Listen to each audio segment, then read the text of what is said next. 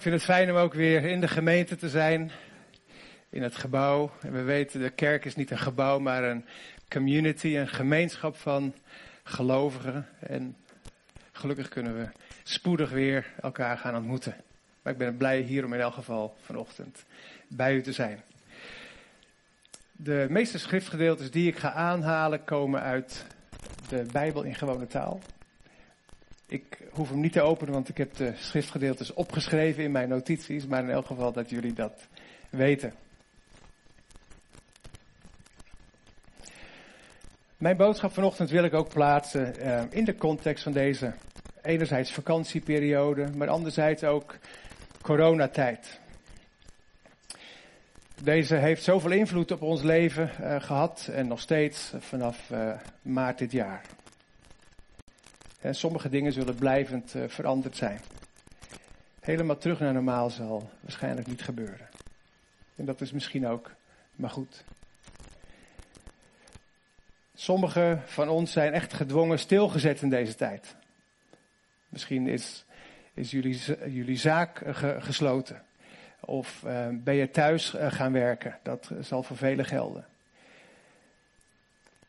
Voor ouders met jonge kinderen die naar school gaan, werd het alleen maar drukker. Uh, maar goed, voor veel mensen inderdaad is er van alles weggevallen. Het is een soort gedwongen sabbatical geworden, waar we eigenlijk niet zo voor hebben gekozen. Maar een crisis als deze zet ons ook wel weer aan het denken. als dingen wegvallen, als dingen niet meer kunnen, wat blijft er dan over? Wat vinden we op zo'n moment eh, eigenlijk echt belangrijk? Wat missen we? Ja, zo'n periode van een pas op de plaats of soms nog erger. Hè, dingen die we echt zijn kwijtgeraakt. Misschien soms onze baan. Misschien wel iemand die ons lief is, is overleden door COVID. Dat zijn natuurlijk verschrikkelijke dingen. En dat kan er best flink inhakken. We worden geschud, dat sowieso. De boodschap vanochtend komt uit de bergreden. En de bergreden, ik ga hem zeker niet helemaal bespreken, is de langste preek van Jezus in de Bijbel. Opgetekend door een van zijn leerlingen, Matthäus. En zoals Mozes het volk Israël de wet gaf, leefregels, komend vanaf de berg, zo spreekt in dit, in dit verhaal ook Jezus op de berg. Met een hele nieuwe set van instructies. Ik ga een korte gelijkenis lezen aan het eind van die bergreden en daar zal ik straks nog wat meer dingen over gaan zeggen. En het is een hele bekende gelijkenis. En nogmaals, ik lees het uit de vertaling van de Bijbel in gewone taal. Matthäus 7, de versen 24 tot 27. Luister naar mijn woorden en doe wat ik vraag. Dan lijk je een verstandig man, die zijn huis bouwt op stevige grond. Op een dag gaat het hard regenen en waaien. De rivieren stromen over en de wind en het water slaan tegen het huis. Maar het huis blijft staan, want het is stevig gebouwd. Maar stel dat je wel naar mij luistert, maar niet doet wat ik vraag. Dan lijk je op een domme man. Die zijn huis bouwt op zachte grond. Op een dag gaat het hard regenen en waaien. De rivieren stromen over en de wind en het water slaan tegen het huis. Het huis zakt in elkaar. Er blijft niets van over. Nou, straks dus even wat meer over deze gelijkenis.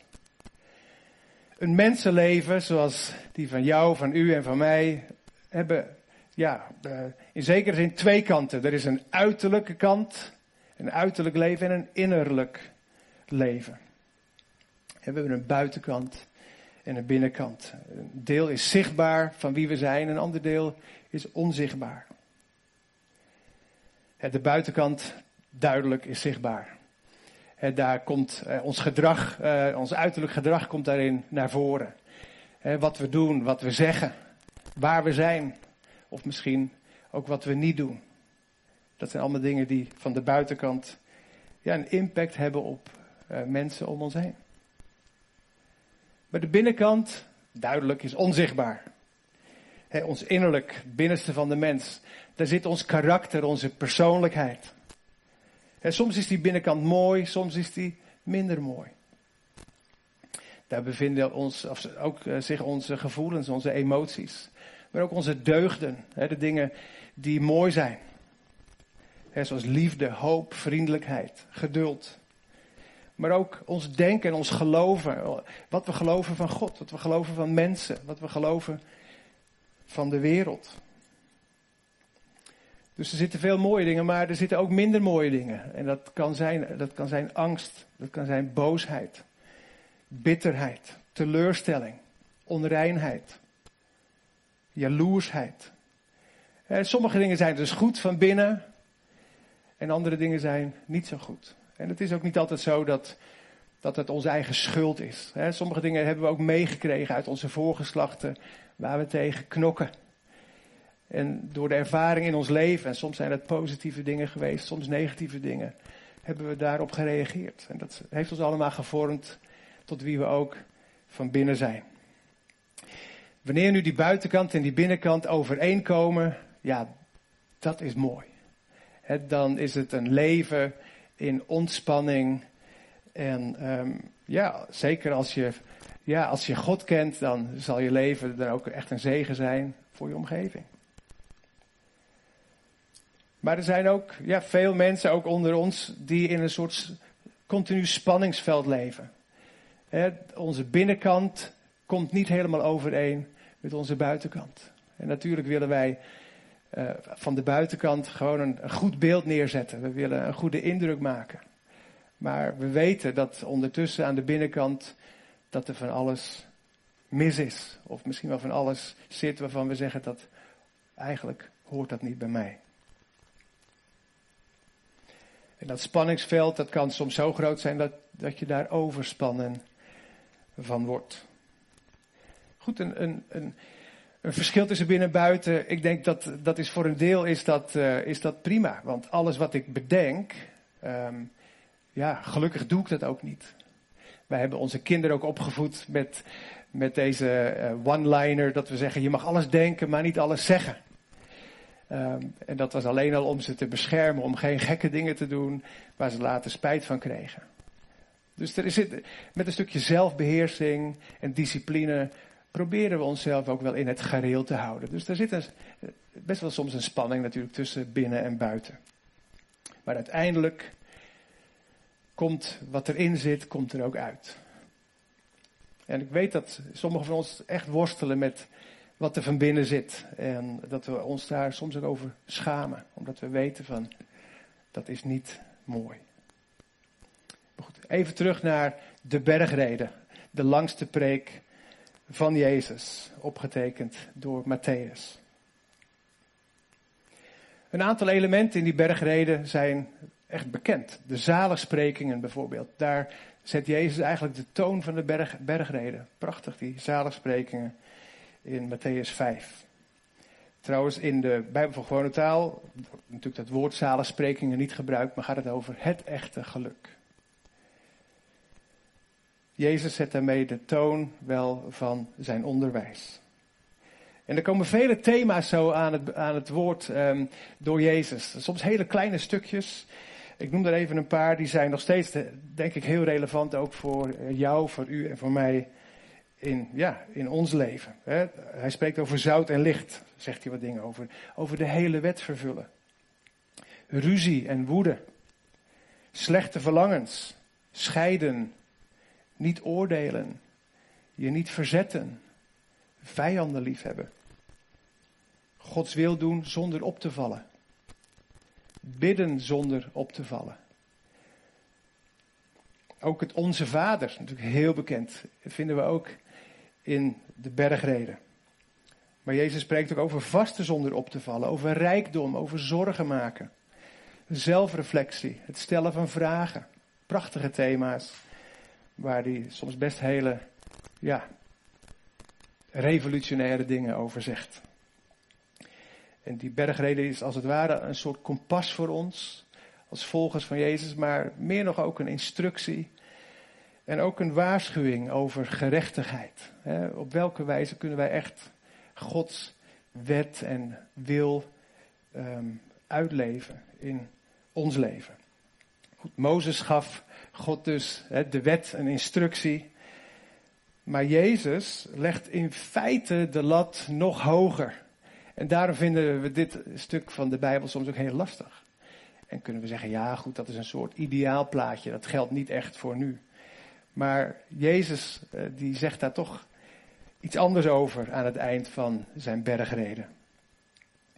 Ik denk kort door de bocht zie ik het zo dat eh, de wet van Mozes als het ware van buiten naar binnen komt en dat de instructie van Jezus is eigenlijk meer van binnen naar buiten. ik denk daarin ligt eh, een wezenlijk verschil. Ik wil gewoon eens even één van die zaligsprekingen wil ik daar toch uithalen. Uit Matthäus 5, vers 5. Daar zegt, zalig zijn de zachtmoedigen, want zij zullen de aarde beërven. Bijbel in gewone taal zegt, het echte geluk is voor mensen die vriendelijk zijn. Want aan hen zal God de aarde geven. De aarde in dit um, vers zou je ook kunnen vervangen met land. En dit was voor de Joden in die tijd ook heel actueel. Want zij leefden nog steeds met de belofte dat God hen het land zou geven. En ondertussen was dat land overheerst door de Romeinse overheerser. En steeds meer mensen ook in dat land begonnen op te staan tegen de Romeinse overheerser. Dat waren de Zeloten.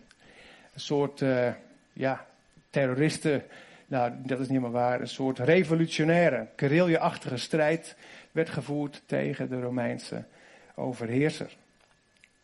de Zeloten geloofden dat zij de gewelddadige wereldse manieren konden gebruiken om de belofte van God, als het ware, te vervullen.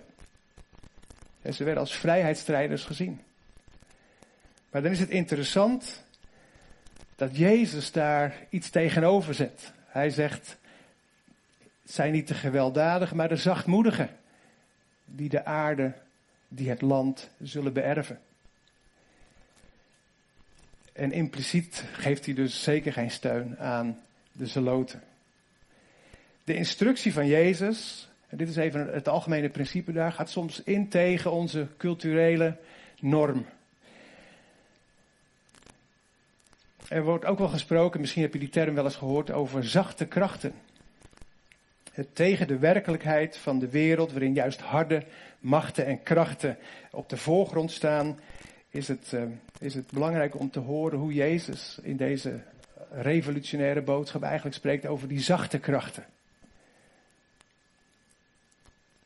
die Romeinse maatschappij was een harde maatschappij, waar geweld en het recht van de sterkste eigenlijk uh, voorop stonden. Maar dan komt Jezus en die spreekt over compassie, die spreekt over liefde, die spreekt over zachtmoedigheid, vergeving, ontferming, verzoening. Dat zijn de zachte krachten van het evangelie. En als navolgers van Christus kunnen wij op deze manier, door de inzet van die zachte krachten, kunnen wij de samenleving om ons heen beïnvloeden. Uiteindelijk is zelfs het Romeinse Rijk daardoor um, ja, geëindigd door de zachte krachten die door de christenen in Europa werden uitgeleefd. Goed, weer even terug naar de bergreden en de gelijkenis van de bouwers. Niet de brouwers, maar de bouwers. In dat Bijbelgedeelte, hè, van, tussen Matthäus 5 en 7, wordt trouwens een aantal keer het aspect van beloning wordt daar genoemd. Het valt op dat Jezus ook enkele keren specifiek de instructie geeft dat mensen niet te opzichtig moeten zijn met hun bidden, met hun geven, met hun vasten. Dus niet voor de bühne. Want zegt Jezus, dan hebben zij in feite hun loon al ontvangen. En Jezus die wil ons uitdagen om, om dingen te doen, niet voor de waardering van mensen, maar voor het well goed gedaan van Hem. Zijn loftrompet aan het einde van ons leven. En zijn we bereid om ja, misschien daarop te wachten? Of hebben we nu al die waardering van mensen nodig? de nadruk in het onderwijs van Jezus ligt echt op karakter en niet op werken. innerlijke kwaliteit tegenover uiterlijk vertoon. Maar goed, weer even naar deze gelijkenis. Eh, als kind in de, in de zondagschool hoorde je natuurlijk al over de gelijkenis van de wijze en de dwaze bouwers. En dikwijls is, is de uitleg eigenlijk van, dit, van deze gelijkenis niet, ehm, niet helemaal correct. dan werd, vooral werd de wijze man werd gesymboliseerd, um, of was het symbool van de christenen. En de dwaze man was het symbool van de niet-christenen. Maar als je heel goed leest, dat Bijbelgedeelte, dan spreekt Jezus eigenlijk over twee typen christenen.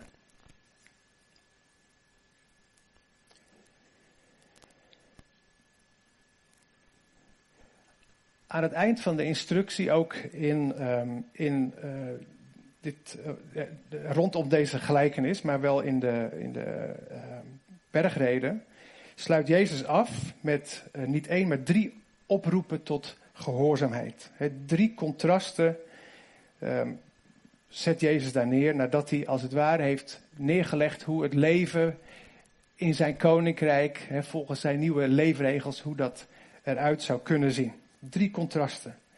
We gaan ze niet lezen, maar jullie zullen ze ongetwijfeld kennen. Het eerste is het beeld van de twee wegen. De brede weg en de smalle weg. Dat is Matthäus 7, vers 13 en 14.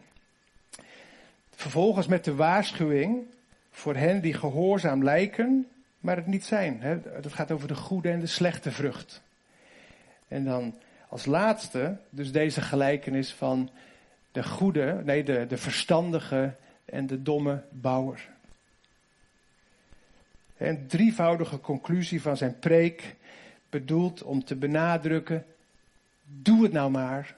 Wees gehoorzaam, wees verstandig en doe wat Jezus vraagt. Dus het is niet eigenlijk zo'n soort ideaal droombeeld van de toekomst zoals het wel eens zou kunnen zijn. Maar Jezus zegt, ga deze dingen echt doen. Luister niet alleen, maar doe het ook. En Jezus zet het best scherp neer. Um, ik vind het ja, eigenlijk eh, best hard. Even geparafraseerd in mijn eigen woorden, zegt op een gegeven moment Jezus. Hè, je kunt van alles doen, zelfs in mijn naam, geweldige, grote, spectaculaire dingen. Maar zij zijn niet bepalend voor het zijn van mijn volgeling. als je geen relatie met God hebt, dan zal hij zeggen: Ik ken jullie niet. En dat is best een hele harde waarschuwing. We zien ook in de, in de Bijbel, door God gebruikt te worden, is niet hetzelfde als bij God horen. God gebruikt mensen, dieren, planten, eh, de zee, de wind. Hij gebruikt van alles eh, in de Bijbel. Dus dat is niet per se bepalend voor het feit dat je bij God hoort. Een krachtige bediening, het doen van tekenen en wonderen, is geen bewijs van onze gerechtigheid. Beide huizen uit deze gelijkenis zouden best wel op elkaar kunnen lijken. Dat zijn details die er niet in staan en daar gaat het ook niet helemaal om in, um, in dit verhaal. Maar zo kan het ook in wezen zijn voor die twee typen christenen. Dat lijkt er van de buitenkant allemaal misschien wel hetzelfde uit. Ze lezen dezelfde boeken. Ze kijken naar dezelfde programma's. Um, ja, van de buitenkant zit dat misschien allemaal best goed. Maar in wezen, als we ook denken aan dit uh, verhaal, deze gelijkenis, gaat het om wat we niet zien. Wat zit onder de oppervlakte? Hoe sterk is het fundament? Goed, dan gaan we even wat meer naar een stukje toepassing. Oh, trouwens, uh, dat heb ik nog even opgetekend hier. Vorige week uh, zaten Oela en ik ook naar de Hour of Power te kijken. Dat doen we zo af en toe ook. En Bobby Schuller, vinden wij een hele inspirerende spreker. En vorige week had hij uh, heel toevallig een uitspraak die heel erg past bij uh, mijn verhaal vanochtend. Bobby zei, en ik heb het uiteraard even in het Nederlands vertaald. Hij zegt, God meet onze vooruitgang, onze groei aan ons innerlijk leven. Niet ons uiterlijk leven. Dus het is niet zozeer van wat we allemaal gaan zien van de buitenkant, maar wat er onder de oppervlakte zit. En Jezus roept u en mij om verstandige keuzes te maken. Het gaat om de verstandige en de domme bouwer. Hij roept ons om verstandige keuzes te maken. En misschien zijn die niet per se populair in de zin van wat de meeste mensen zullen kiezen. Maar wellicht gaat het juist tegen de stroom in. De eerste zin van deze gelijkenis geeft eigenlijk al de essentie ervan weer. Luister naar mijn woorden en doe wat ik vraag. Dan lijk je een verstandig man. die gelijkenis herinnert ons aan het feit dat de belangrijkste dingen in ons leven aan het zicht zijn ontrokken van andere mensen. Dat zijn dingen die alleen u en ik zelf weten. En God uiteraard ook ziet. Als wij gevoelig zijn voor waardering van mensen, en natuurlijk vinden we dat allemaal fijn, dat vind ik ook heel fijn. Ehm, als wij gevoelig zijn voor waardering van andere mensen, zullen wij geneigd zijn om het bouwwerk, het zichtbare stukje, mooi te maken. En misschien wat minder aandacht te geven aan het onzichtbare stukje, het fundament. Bill Heibels, die heeft ooit een keer een mooi boekje uitgegeven. Dat is ook in het Nederlands eh, te krijgen. En dat heet Wie ben je als niemand kijkt? Dat is ook, ook een doordenkertje in de zin van, ja, als ik helemaal alleen ben, zonder dat iemand mij ziet, ja, dan ben ik wellicht mijn ware ik ook in hoe ik me gedraag. Het doel is om uit één stuk te zijn. wat ik net al eerder zei, dat de binnenkant en de buitenkant gewoon overeenkomen. What you see is what you get. Zo'n leven is een ontspannen leven. En investeren in je innerlijk leven. En dat kan zijn door tijd met God te besteden, door te studeren, misschien door een stukje mentorschap van anderen. Dat zal je vormen en ontwikkelen en je fundament versterken. En uiteindelijk komt naar buiten wat van binnen zit. En als we ook vol van de geest van God zijn, dan gaat de vrucht van de geest in ons leven verder groeien en toenemen. En dan zullen we een zegen zijn voor onze omgeving. En uiteindelijk zullen wij mensen om ons heen gaan veranderen. Maar niet alleen mensen, ook situaties. Misschien ons werk, ons dorp, onze kerk, ons land. De Heilige Geest die in ons woont, die verlangt ernaar om dat samen met ons te doen. En dat is het mooie. Jezus legt de lat wel erg hoog. Uh, ik denk hoger nog dan in de instructie en de wet van Mozes. Maar in het Oude Testament had niet iedereen de Heilige Geest. Hadden dat alleen de profeten, de priesters en de koningen. Maar wij leven in een tijd dat de Heilige Geest over alle vlees is uitgestort. En God zelf helpt ons om ook goede keuzes te maken. Deze rare coronatijd, nogmaals, is voor sommigen echt een, een soort geforceerde sabbatical geworden. En ik weet ook, en dat geldt ook voor mijzelf, eh, alhoewel ik ook gewoon heb doorgewerkt, alleen is het allemaal wel wat veranderd. Maar het is wel een tijd om, om ook eens wat meer zelfreflectie te doen. Om na te denken van oké, ehm, een soort APK, periodieke check van ja, hoe staat mijn leven ervoor? Ik gebruik ook wel eens het beeld van een droogdok, waar natuurlijk periodiek, eens in de zoveel jaar, een schip in moet om uit het water getild te worden voor een inspectie van de kiel, van de romp. Een deel wat je natuurlijk normaal niet ziet. Is het nodig om daar reparaties aan uit te voeren? Is het allemaal nog sterk?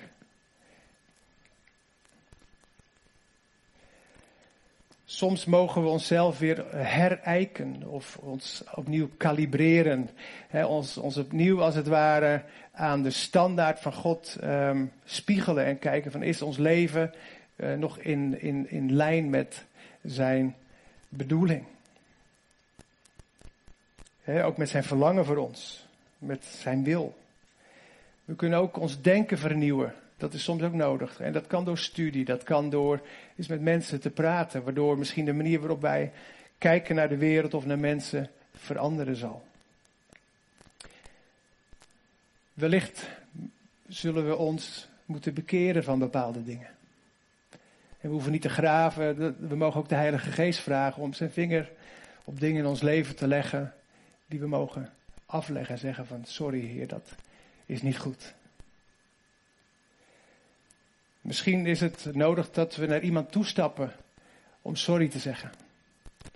En Arno vorige week zei, al, hebben we misschien maar 1% schuld aan het conflict, hè, dan mogen we ook daar een stukje verantwoordelijkheid voor nemen. Misschien is dit een tijd dat God wil gaan snoeien, zodat er weer ruimte gaat komen voor nieuwe vrucht en nieuwe groei.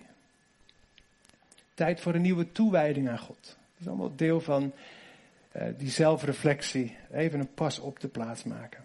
Of misschien vraagt God wel dat je de strijd gaat opgeven. Of je weerstand gaat opgeven. Dat je tot overgave gaat komen. Zodat daar vrijheid en leven voor in de plaats kan komen. Keuzes maken is essentieel in ons leven. En soms zijn die keuzes ook pijnlijke keuzes. Om dingen af te leggen. En om tegen de stroom eh, in te gaan.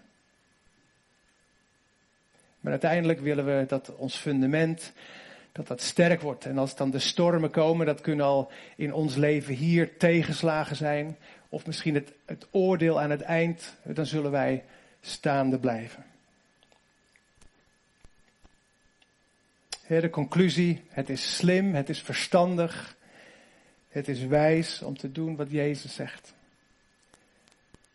En nog een van de zalensprekingen, daar staat het ook weer heel mooi kernachtig in samengevat. In 5 vers 6, Matthäus 5 vers 6. Het echte geluk is voor mensen die doen wat God wil. En die dat het allerbelangrijkst vinden. Want God zal hun moeite belonen. En in de herziene statenvertaling staat hij toch even voor degenen die meer bekend zijn met de wat oudere vertaling. Zalig die hongeren en dorsten naar gerechtigheid. En nogmaals, gerechtigheid, dat is, het doen van Gods wil. Ergens het doen van zijn wetten, zijn leefregels. Natuurlijk samen met hem. Want zij zullen verzadigd worden. En dank u Jezus voor uw radicale teaching, voor uw onderwijs aan ons. En ook al oh, is uh, vijanden liefhebben, uh, andere wang toekeren, dat is eigenlijk niet te doen. Heer, maar we geloven als u dat van ons vraagt, dan is dat samen met uw geest in ons, is dat mogelijk. Heer, en dank u wel dat u ons niet veroordeelt, Heer, maar u nodigt ons uit om op, op, die, op dat avontuur met u in te gaan. En om ja, ons, ons, ons, ons innerlijk leven ook uh, ja, verder te versterken. Heer, naar uw wil te gaan leven, naar uw wil te gaan kijken, naar uw wil, ja, um, ook te handelen natuurlijk. Heer, en zo vragen wij of u ons allemaal um, gaat, gaat helpen om, om aan te wijzen welke dingen wij ja, kunnen loslaten en welke andere dingen wij kunnen omarmen. Heer, hoe wij dat stukje wat eigenlijk niemand ziet, mooier en sterker kunnen maken. Heer, zodat ook u in, in dat uh, stuk van ons leven wordt geëerd en dat we ook staande zullen blijven wanneer het moeilijk is. En zo bid ik uw zegen over een ieder van ons die vanochtend kijkt. Heer, u kent ons hart. U ziet onze binnenkant. En u verlangt ook om daarin een heel mooi werk te doen. Heer, zo eren wij uw naam in Jezus' naam.